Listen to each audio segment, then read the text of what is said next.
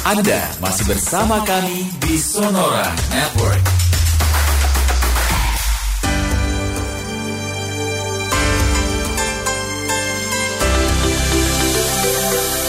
Segala informasi tentang Indonesia.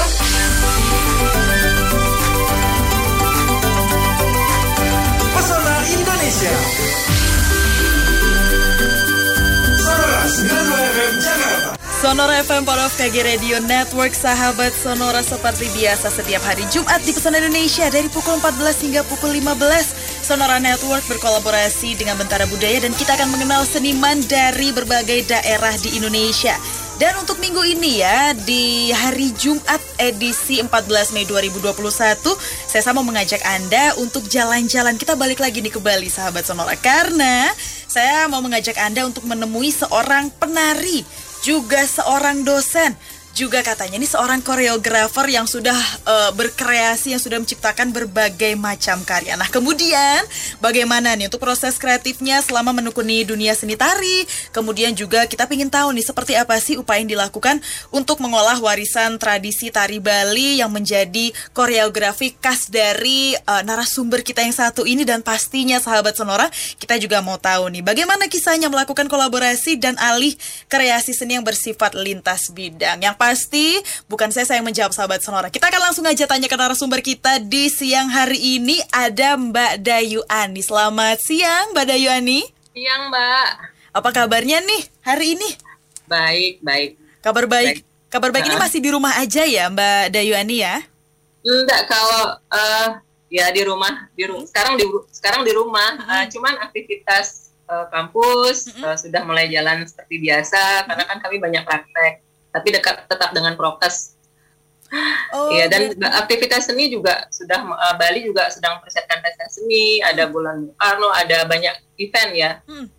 diselenggarakan oh. di Bali, iya. Berarti kalau misalnya uh, untuk sekolah, uh, untuk dosen sendiri untuk uh, kelas di uh, kuliah hmm. gitu sudah mulai masuk ya, Mbak Dayuani ya? Iya, hmm, hmm. sudah uh, beberapa kalau teori uh, apa uh, masih pakai ini ya, pakai Zoom, lalu hmm. kemudian kalau sudah praktek itu kan harus tetap muka hmm. tapi dibatasi jumlahnya dibagi ya kita oh. kita cari berbagai cara lah persif-sifan gitu ya berarti uh, modelan okay. ini ya iya Ah, nah ini kan tadi kalau misalnya saya sudah sebutkan di awal ini kan uh, Mbak hmm. Dayu Ani ini adalah seorang uh, penari, tapi juga ternyata seorang dosen, bahkan seorang koreografer. Ini nih, gimana sih awal mulanya bisa kok akhirnya menguasai tiga hal ini tuh gimana sih?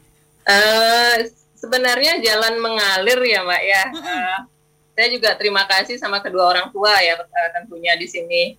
Hmm. Jadi dibentuk dari kecil, uh, dikondisikan. Uh, saya lima bersaudara. Kemudian kebetulan orang tua, uh, bapak dan ibu juga uh, seniman. Hmm. Uh, terus bapak di Universitas di UNUD, uh, beliau uh, dosen sastra. Uh, lalu kemudian uh, sejak umur sebenarnya kalau menurut cerita orang tua dari kecil saya suka nari-nari ah, gitu. Iya, iya. Nah, lalu kemudian ketika sudah memasuki masa serius, mm -hmm. serius untuk belajar tekniknya adalah nah mulai itu kabur-kabur nakal gitu. Oh. Uh, nah, terus uh, termasuk terlambat untuk belajar teknik menari umur hmm. uh, kelas 4 SD baru kemudian belajar dengan sungguh-sungguh hmm. di bawah bimbingan ibu belajar narinya lalu kemudian ayah berpikir uh, tari oke okay, tari uh, tari dan musik juga harus bisa gitu hmm. jadi dikenalkanlah kami dengan alat musik gender nah lalu kemudian ketika itu bapak berpikir uh, apa ya sadana namanya itu laku laku yang untuk menguatkan anak-anak ini hmm. uh, untuk melakoni kegiatan seninya gitu jadi dikenalkan kami dengan asanas waktu ya masih kelas 4 uh, waktu itu kami masih bersaudara berdua ya sama adik yang nomor dua sebenarnya menurut cerita bapak ini kan uh, kegiatan persenian yang tumbuh di keluarga. Yang menurut Bapak yang susah itu justru mendidik saya anak pertama, mengkondisikan anak pertama dan kedua ini. Lalu kemudian ketika yang dua ini sudah sudah uh, masuk gitu, uh, apa ya masuk ke dunia itu, adik-adiknya ya tinggal nyemplung aja. Jadi sudah terkondisikan gitu. Ah, jadi gitu. Mbak Dayu ini sendiri uh, anak pertama jadi role model gitu ya bagi adik-adiknya ya sebenarnya? Iya kayaknya uh, wajib ya. Hmm. Nah, nasib anak pertama itu. Nah, beban sama saya juga merasakannya kok Mbak Dayu. Saya juga anak pertama kerasa banget bebannya ada di anak pertama. Tapi Mbak Dayu ini tadi ada lima bersaudara. Mbak Dayu ini yeah. paling tua. Uh, kan tadi juga disebutkan kalau bapak dan ibu juga seorang seniman ini. Apakah memang dari bapak dan ibu mau mendorong anaknya udah deh jadi seniman aja deh biar nggak keluar keluar lagi atau biasanya kalau bapak ibunya seniman anaknya lima atau anaknya berapa gitu pasti ada satu nih yang agak belok haluannya nih keluar dari seniman ada nggak nih Mbak Dayu? Uh, ya karena uh, ke, dikondisikan ya karena hmm. menurut bapak uh, uh, bukan berarti cita-citanya harus menjadi seniman atau hmm. kerja seni enggak ke mana aja nanti kamu terserah mau jadi dokter mau jadi arsitek mau jadi apa hmm. tapi akarnya oh. akarnya ya harus harus tahu gitu hmm. hmm, hmm. jadi ya uh, harus tahu gitu jadi dunia dunia seni dunia uh, budaya dunia itu kan kalau um, ingat eh, nasihatnya bapak uh, tujuan manusia lahir itu kan untuk uh, keutamaan manusia itu kan di daya cipta. Daya cipta. Jadi inilah kami diasah melalui media seni ini gitu. Uh, berarti jadi, uh, ya di situ. berarti jadi mau jadi apa pun profesinya misalnya, ya. uh, uh, kami punya alat musik gender gitu. Saya kakak-kakaknya bermain musik gender berempat kan empat. Adik saya si bungsu belajar ngedalang gitu. Jadi dipakai bekal di masa kanak-kanak yang terserah nanti ketika sudah dewasa terserah mau ke mana gitu sebenarnya tujuan awalnya. Oh pokoknya dibekali dulu aja nih ya Mbak okay. Dayu ya. Oh oke okay, yeah. oke. Okay. Nah ini tadi uh, penari iya, dosen iya, koreografer iya. Yang pertama duluan ini pasti tari ya Mbak Dayu ya? atau enggak juga sebenarnya? Uh, iya sebenarnya saya juga bingung saya uh, kalau dibilang penari saya juga enggak cukup pede ya dibilang penari. Waduh kenapa nih? uh, ya saya mengenal dunia tari belajar tari uh, teknik tari dan lain sebagainya lalu hmm. kemudian masuk ke Sanggar Warini lalu kemudian ikut-ikut festival hmm. lomba Uh, lalu kemudian uh, ketika mendapat ketika umur SMP, nah uh, justru karena keterampilan bermain musik gender itu kan rumit, lalu kemudian tampil di acara televisi. Nah kemudian ketika itu dilihat uh, sama waktu itu Bali akan mengadakan pertukaran kias namanya keseni, kesenian Indonesia Amerika Serikat. Jadi ada komunitas Children of Bali yang akan ke sana selama satu setengah bulan di Amerika. Nah itu dilihat potensi itu uh, uh, multi uh, multi apa ya keterampilan kan ini. Nah uh, setelah itu uh, balik ke Bali, lalu tiba-tiba uh, tetangga dan semuanya itu nyerahin anaknya kan. Nah lalu kemudian dia ngajar nari, lalu kemudian nah itu bapak mengingatkan. Ini mau di uh, cuman kalau menari pelestarian saja tidak cukup. Uh, mungkin bapak melihat potensi ya, potensi saya di mungkin dulu saya tidak diam-diam gitu ya. Nah di kreativitas, uh, coba dong ajak uh, anak-anak ini uh, untuk berbuat sesuatu, membuat sesuatu gitu, jangan di pelestarian aja gitu. Nah lalu kemudian uh, bapak mulai mengarahkan, diberinya saya uh, berangkat dari lagu-lagu uh, lagu-lagu uh, sekarare, gending-gending anak-anak, lalu kemudian dari teks-teks sederhana sampai akhirnya uh, kami membangun sanggar kreativitas seni budaya Bajur Sandi waktu itu namanya. Mm-hmm. Nah, nah di situ uh, masih SMP ya saya, jadi di situ uh, mulai diasah bakat mengkorionya oh. dari tidak paham kan, mm-hmm. Mengkorionya mulai mulai di, diasah di sana. Nah kemudian ketika sudah mulai uh, mau kuliah, uh, ya Bapak mengarahkan ke isi dan pasar ke STSI waktu itu namanya. Jadi diperdalam aja dunia penciptaan itu, perancangan. Yang penting itu perancangan. Hmm. Gitu, hmm. gitu nasihat Bapak ke, ke oh. saya gitu. Oke, berarti mengalir ya pertamanya Iya, mengalir. Dibentuk sama hmm. semesta lah.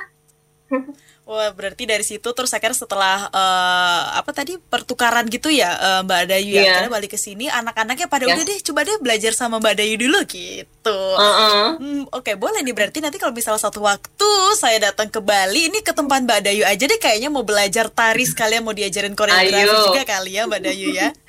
Tapi Mbak Mari. Dayu kita harus break dulu ya karena setelah ini uh, saya masih punya banyak sekali list pertanyaan untuk saya tanyakan ke Mbak Dayu tapi setelah yang satu ini. Anda masih bersama kami di Sonora Network. Sonora FM part of KG Radio Network Kita kembali lagi nih Saya sudah balik lagi ke Bali Karena saya mau menemui Mbak Dayu An ini Masih belum selesai tadi ya Mbak Dayu ya Kita bincang-bincangnya Terkait dengan Apa ya uh, dunia seni tari seperti itu. Tapi kalau kita berbicara tentang uh, seni tari ini dari Mbak Dayu sendiri ini sebenarnya uh, bidang seni tari apa sih yang di yang expertnya itu di bidang seni tari apa sih namanya Mbak Dayu? Oke. Okay. Uh, basicnya saya belajar tradisi ya. Mm -hmm. Tradisi pertama kali saya belajar, uh, saya lahir di era kebiaran. Jadi kalau seni uh, tari di Bali kan dulu ada yang era primitif, jadi tari-tarian yang memang lahir dari ritual, lalu kemudian uh, uh, masuk ke klasik, ada plegongan dan lain sebagainya, lalu kemudian ada era kebiar, itu kalau tidak salah angka tahunnya 1912-an, uh, sampai sekarang masih uh, kebiar itu masih berjaya. Lalu kemudian, nah saya lahir tahun 77. Nah, ketika pertama kali belajar, waktu itu ayah saya sedang uh, gemar-gemarnya belajar musik ke kendangan uh, kendang kebiar Tunujaya. Jadi ketika itu uh, yang mumpung bapak belajar kendang Tunujaya, jadi anaknya uh, itu kan tarian ini ya bebancihan istilahnya. Jadi tari uh, karakternya putra, putra putra keras gitu uh, putra tapi dibawakan oleh uh, perempuan. Oh. Nah uh, di situ nah itu tarian pertama yang saya kenal. Lalu kemudian setelah uh, menari belajar nari itu uh, saya berkenalan dengan uh, Ibu Alit Arini Sanggarwarini. Uh, kemudian uh, di sanalah saya belajar uh, apa mengembangkan bakat saya. Lalu kemudian ketika ke belajar uh, bersama uh, Bapak membangun komunitas uh, maka Bajra Sandi karena arahnya ke kreativitas jadi yang mungkin itu istilahnya yang sekarang dibilang kontemporer ya. Penciptaan penciptaan penciptaan. Tapi base-nya memang saya nggak bisa lepas dari apa yang uh, saya pelajari dulu. Nah bersyukurnya metode pengajaran bapak dulu itu ya saya dibawa ke seniman-seniman yang uh, seniman-seniman di di di di desa di desanya langsung terjun ke desanya. Misalnya kalau mau cari uh, pegambuhan gitu uh, diperkenalkan saya ke uh, Padang Aji namanya di sebuah desa di Wah, sepertinya sinyal dari Mbak Dayu agak terputus-putus nih tadi uh, menjelaskannya ini ya, lo, Mbak Dayu. Halo Mbak Dayu. Ya. Nah, terus kemudian hmm. ketika harus belajar uh, musik uh, gender. Gender kalau klasik uh, uh, cari ke wilayah ke Tenganan dan lain-lain sebagainya ada ada desa Ababi diperkenalkan diperdengarkan saya dengan gending-gending uh, itu. Lalu ketika mencari kerumitannya uh, puncak klimaks kerumitannya di mana? Belajar ke Sukawati. Jadi uh, semua itu menjadi pengalaman estetis yang berguna untuk saya sekarang gitu. Jadi uh, itulah yang membentuk saya sekarang. Saya juga ya kalau istilah sekarang kan orang bilang kontemporer gitu. Ya bagi saya kontemporer ya perjalanan. Ya sudah di sana lah saya sekarang gitu. Oh. di perjalanan itu. Berarti dulu sambil berjalan ini dari bapak dari keluarga juga bahkan langsung uh, mengarahkan Mbak Dayu deh kalau misalnya mau belajar yang A langsung ke uh, yang paham tentang A banget mau belajar tentang tari B yang okay. ke B banget seperti itu ya Mbak Dayu ya. Yeah. Nah itu yeah. berapa lama belajar seperti itu Mbak Dayu? Uh, lama ya sampai sekarang juga masih, masih loh. belajar ah, iya dong sampai sekarang masih jadi uh, masih ke ini dan ini juga saya tularkan metode ini juga saya tularkan ke uh, ke anak-anak didik di di Bumi Bajre di komunitas kami lalu kemudian ada mahasiswa-mahasiswa asal ada waktu uh, ya beranjang sana ke seniman-seniman seniman-seniman uh, apa maestro-maestro kita kan bertebaran di mana-mana ya. Uh -huh Gitu. Berarti ini udah berapa tahun uh, Mbak Dayu mendalami seni tari ini? Hmm, berapa tahun ya dari dari SD dari kecil lah seumur seumur saya 40-an ya. Wah, udah udah lama banget ya Mbak Dayu. Berarti memang okay. udah pakem banget, udah paham banget nih soal seni tari ini. Okay. Nah, selama 40 40 tahun sekian eh, gitu ya. Deh, hmm? kurang masa dari lahir kan enggak ya? Berarti mungkin sekitar 30-an kali ya Mbak Dayu ya? Iya, boleh. Boleh. Tapi kalau misalnya dari 30 tahun itu kan cukup lama juga nih Mbak Dayu. Nah, apa Mm-hmm. sih yang Mbak Dayu dapatkan selama mendalami seni tari ini 30 tahun itu tadi apa apa saja sih hal-hal unik yang eh, Mbak Dayu dapatkan? Eh, di sekarang saya sampai pada titik bahwa menari itu adalah juga bagaimana kita mengharmoni tubuh ini dengan eh, semesta ya. Bagaimana berkomunikasi dengan semesta. Jadi eh, kalau sebelumnya saya masih eh, ya memang harus begitu tahapannya. Jadi kita harus menguasai teknik dengan Hmm. dengan pasti gitu. Jadi ketika belajar tari klasik, tari eh, apa tari eh, klasik, tari kekebiaran, teknik itu memang harus kita kuasai. Lalu kemudian setelah itu apa? Eh, ya sekarang eh, pada fase itu bahwa menari adalah juga bagaimana meng- mengharmoni tubuh. Tubuh kan juga dunia kecil ya. Ya. Kalau di Bali kita mengenal istilah buana alit, di semesta ini buana agung. Bagaimana me- mengharmoni itu. Dan yang saya ingat pesan dari Bapak bahwa menari adalah bukan sekedar liuk tubuh, tapi dia eh, di dalamnya terdapat proses bagaimana membangun karakter jiwa anak-anak. Nah ini yang membuat saya eh, tertarik lalu kemudian ya udah nggak bisa nggak bisa kabur dari dunia Dari ini dunia dari ini, gitu. dunia tari dunia koreografi ini Eh, bertemu dengan anak-anak eh, biasanya setiap karya saya pasti selalu melibatkan anak-anak ya. Eh, kemurnian energi mereka itu sebenarnya saya belajar dari mereka. Setiap proses itu saya selalu mendapatkan hal-hal baru dari mereka. Spontanitas mereka eh ya gerak semuanya itu saya malah dapat dari dari anak-anak gitu Mhm. belajar dari mereka Berarti bisa dibilang kalau anak-anak ini sebenarnya adalah guru dari Mbak Dayu sendiri ini ya. ya betul Oke, Mbak Dayu kita harus break lagi ya. Nanti kita akan ngobrol-ngobrol lagi dan untuk Anda sahabat Sonora tetap bersama kami di Pesona Indonesia. Anda masih bersama kami di Sonora Network. Sonora FM Part of KG Radio Network. Sahabat Sonora kembali lagi ya Di Pesona Indonesia di jam pertama ini. Sonora Network ini berkolaborasi dengan Bentara Budaya Dan untuk edisi Kamis 14 Mei 2021 Jumat. Jumat maksudnya ya sahabat Sonora Jumat 14 Mei 2021 Jadi kita sudah kedatangan satu seniman kita bisa bilangnya Dari dunia tari. Ini ada Mbak Dayu Ani. Tadi sebelumnya sudah eh, Sesa sempat bertanya nih kepada Mbak Dayu Sebenarnya apa sih 30 tahun sudah eh, mendalami dunia seni tari tadi ya. Apa aja yang dida- eh, apa aja yang didema- didapatkan ini kalau kata Mbak Dayu tadi? Salah satunya adalah bisa mengharmoni tubuh kemudian juga membangun karakter dan jiwa seperti itu ya Mbak Dayu ya? Iya kurang lebih begitu. Kurang lebih seperti itu. Tapi Mbak Dayu nih eh, dulu saya ini kan juga bukan bukan seorang yang bisa banget untuk menari gitu ya. Tapi dulu memang seneng aja gitu. Cuman dulu tuh sempat ada yang bilang gini kalau misalnya eh, kita ini mau eh, bisa tari modern yang pertama kamu lakukan adalah kamu harus bisa tari tradisional dulu. Bener nggak nih Mbak Dayu Hmm, modern itu apa ya? Mungkin lebih yang eh, model kayak ke modern dance hip hop dan apa Iya. segala macam. Mungkin seperti itu nah katanya. Iya. kalau mau eh, yang lentur yang bisa yang apa yang bisa banget lah di situ pertama kita harus belajar dulu tari tradisional. Ini gimana? Dari Mbak Dayu bener atau Iya. enggak?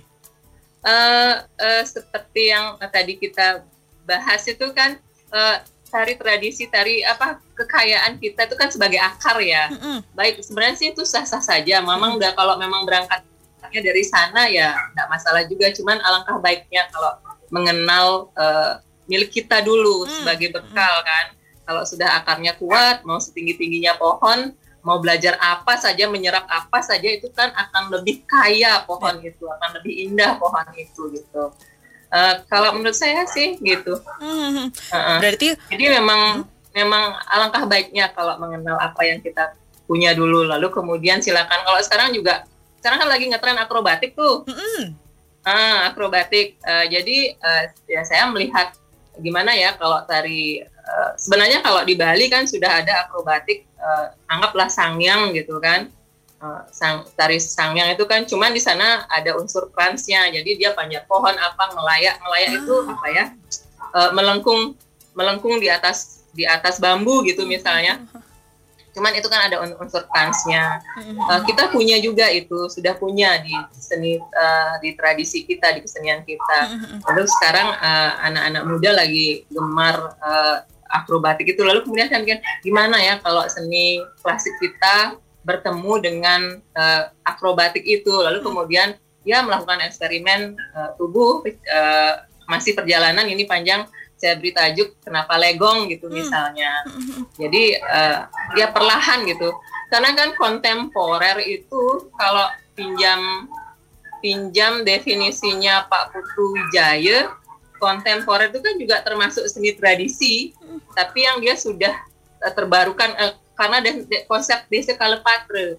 Jadi Bali itu sebenarnya sudah kontemporer sejak dulu gitu. Kalau misalnya anggaplah kebiar, kebiar uh, itu kan pengaruh musik uh, Barat ya kalau uh, Pak Prof Bandem dan lain sebagainya mas. Uh, jadi uh, karena ngebiar di, di pertama kalau musik-musik Bali kan biasanya uh, di, tidak diawali dengan dengan uh, gegap gempita gitu di awalnya.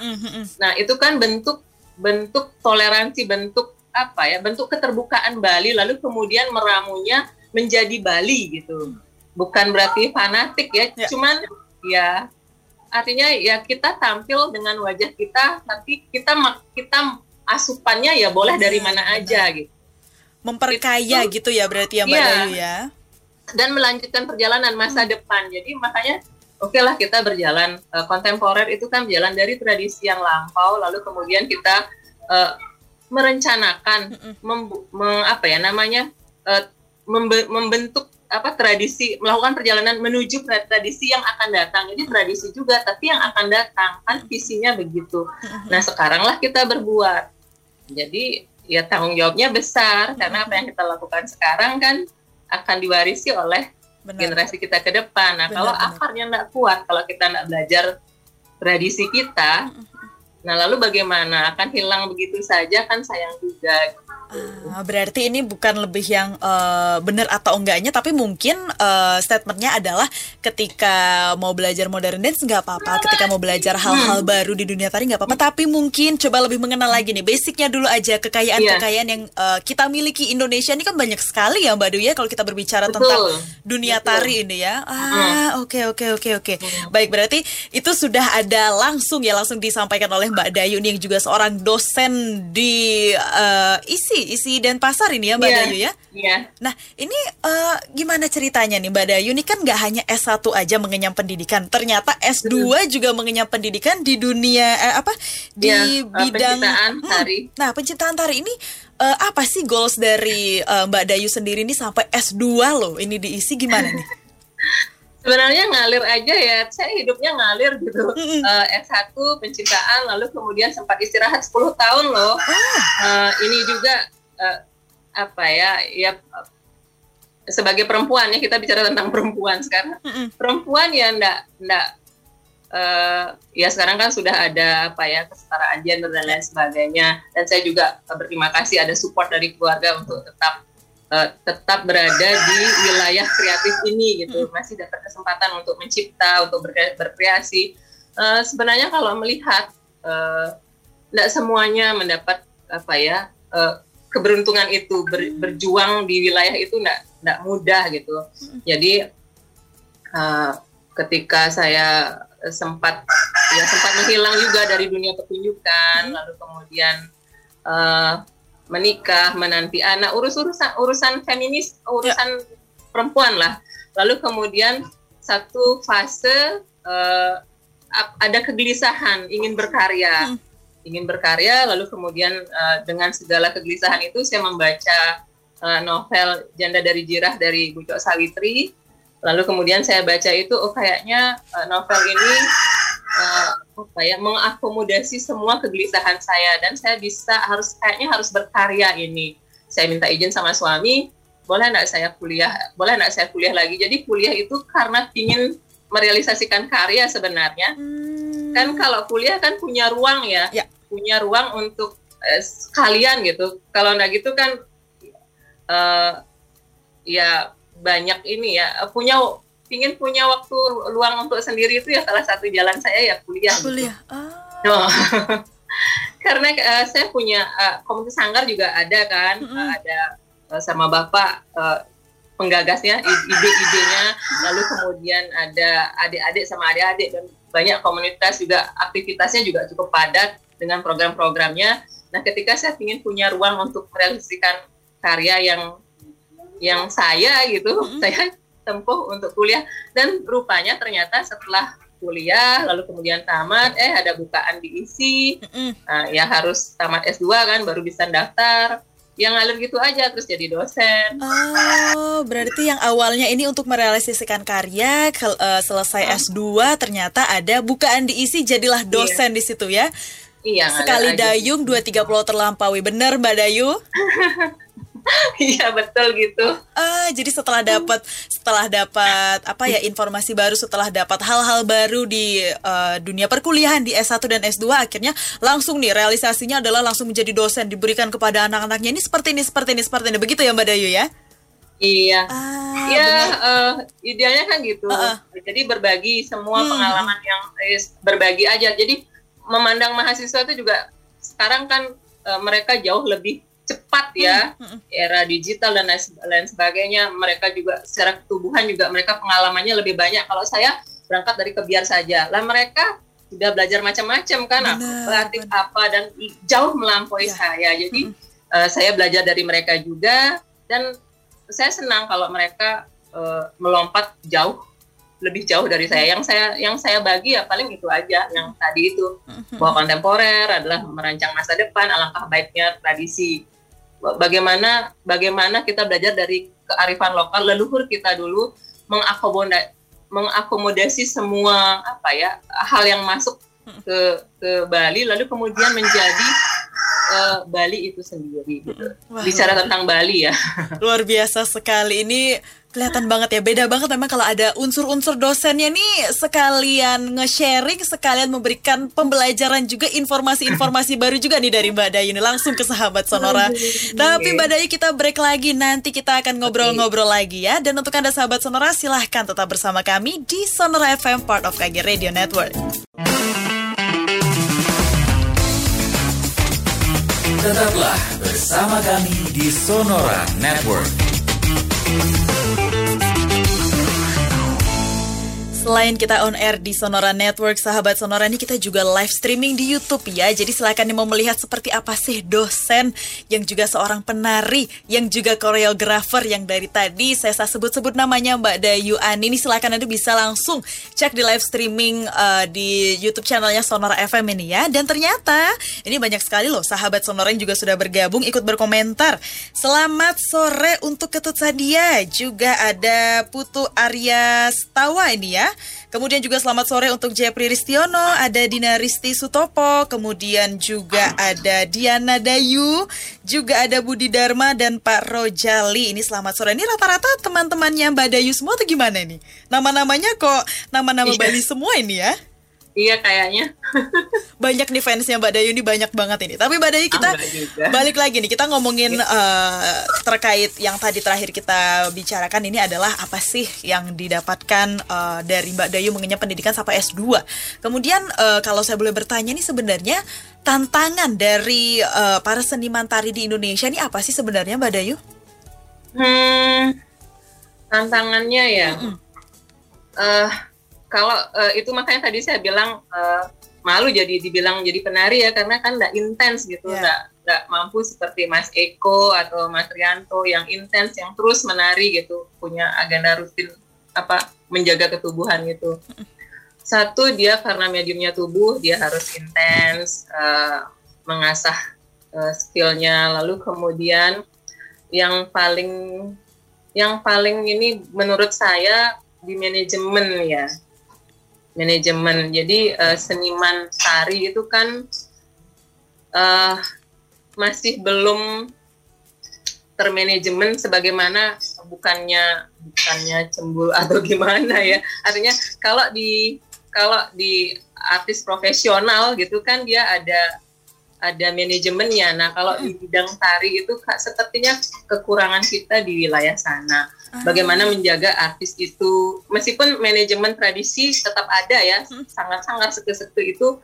uh, sudah menjalankannya, cuman menembus menembus uh, menembus era kini. Jadi ketika semua sudah bicara tentang global dan lain sebagainya, ya perlindungan terhadap seniman itu, lalu kemudian hmm. uh, menjembatani seniman itu untuk ke ke ranah yang uh, lebih luas gitu di di sana ke menurut saya ya. Tantangannya lebih di situ berarti Mbak Dayu ya? Ya, tantangannya lebih di sana. Hmm.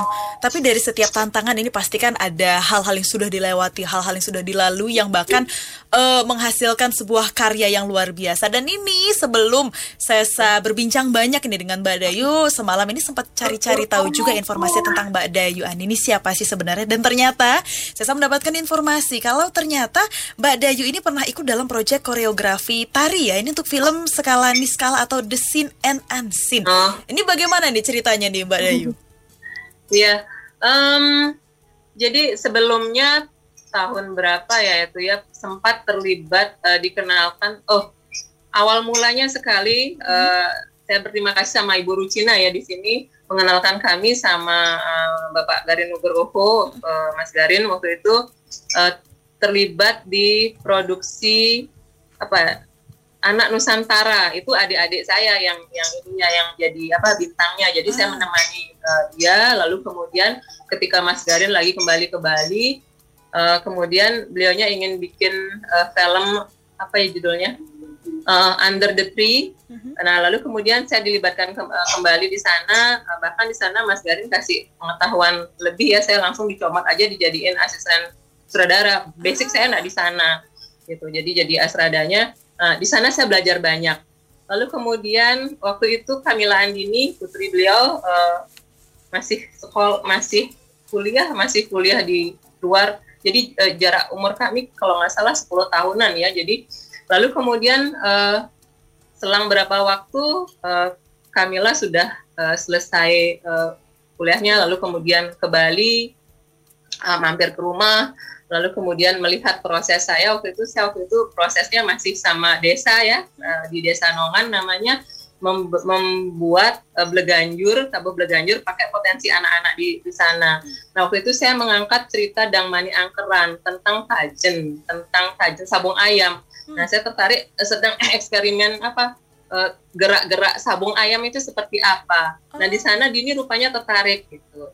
Nah berangkat dari sana lalu kemudian uh, Dini bilang uh, Dayu aku pingin bikin film yang bahasa ini ndak ndak verbal aja tapi juga bahasa visual itu bahasa gerak hmm. gitu. Nah dari sana lalu kemudian itu tahun 2010 2011 kami mulai perjalanannya panjang sekali.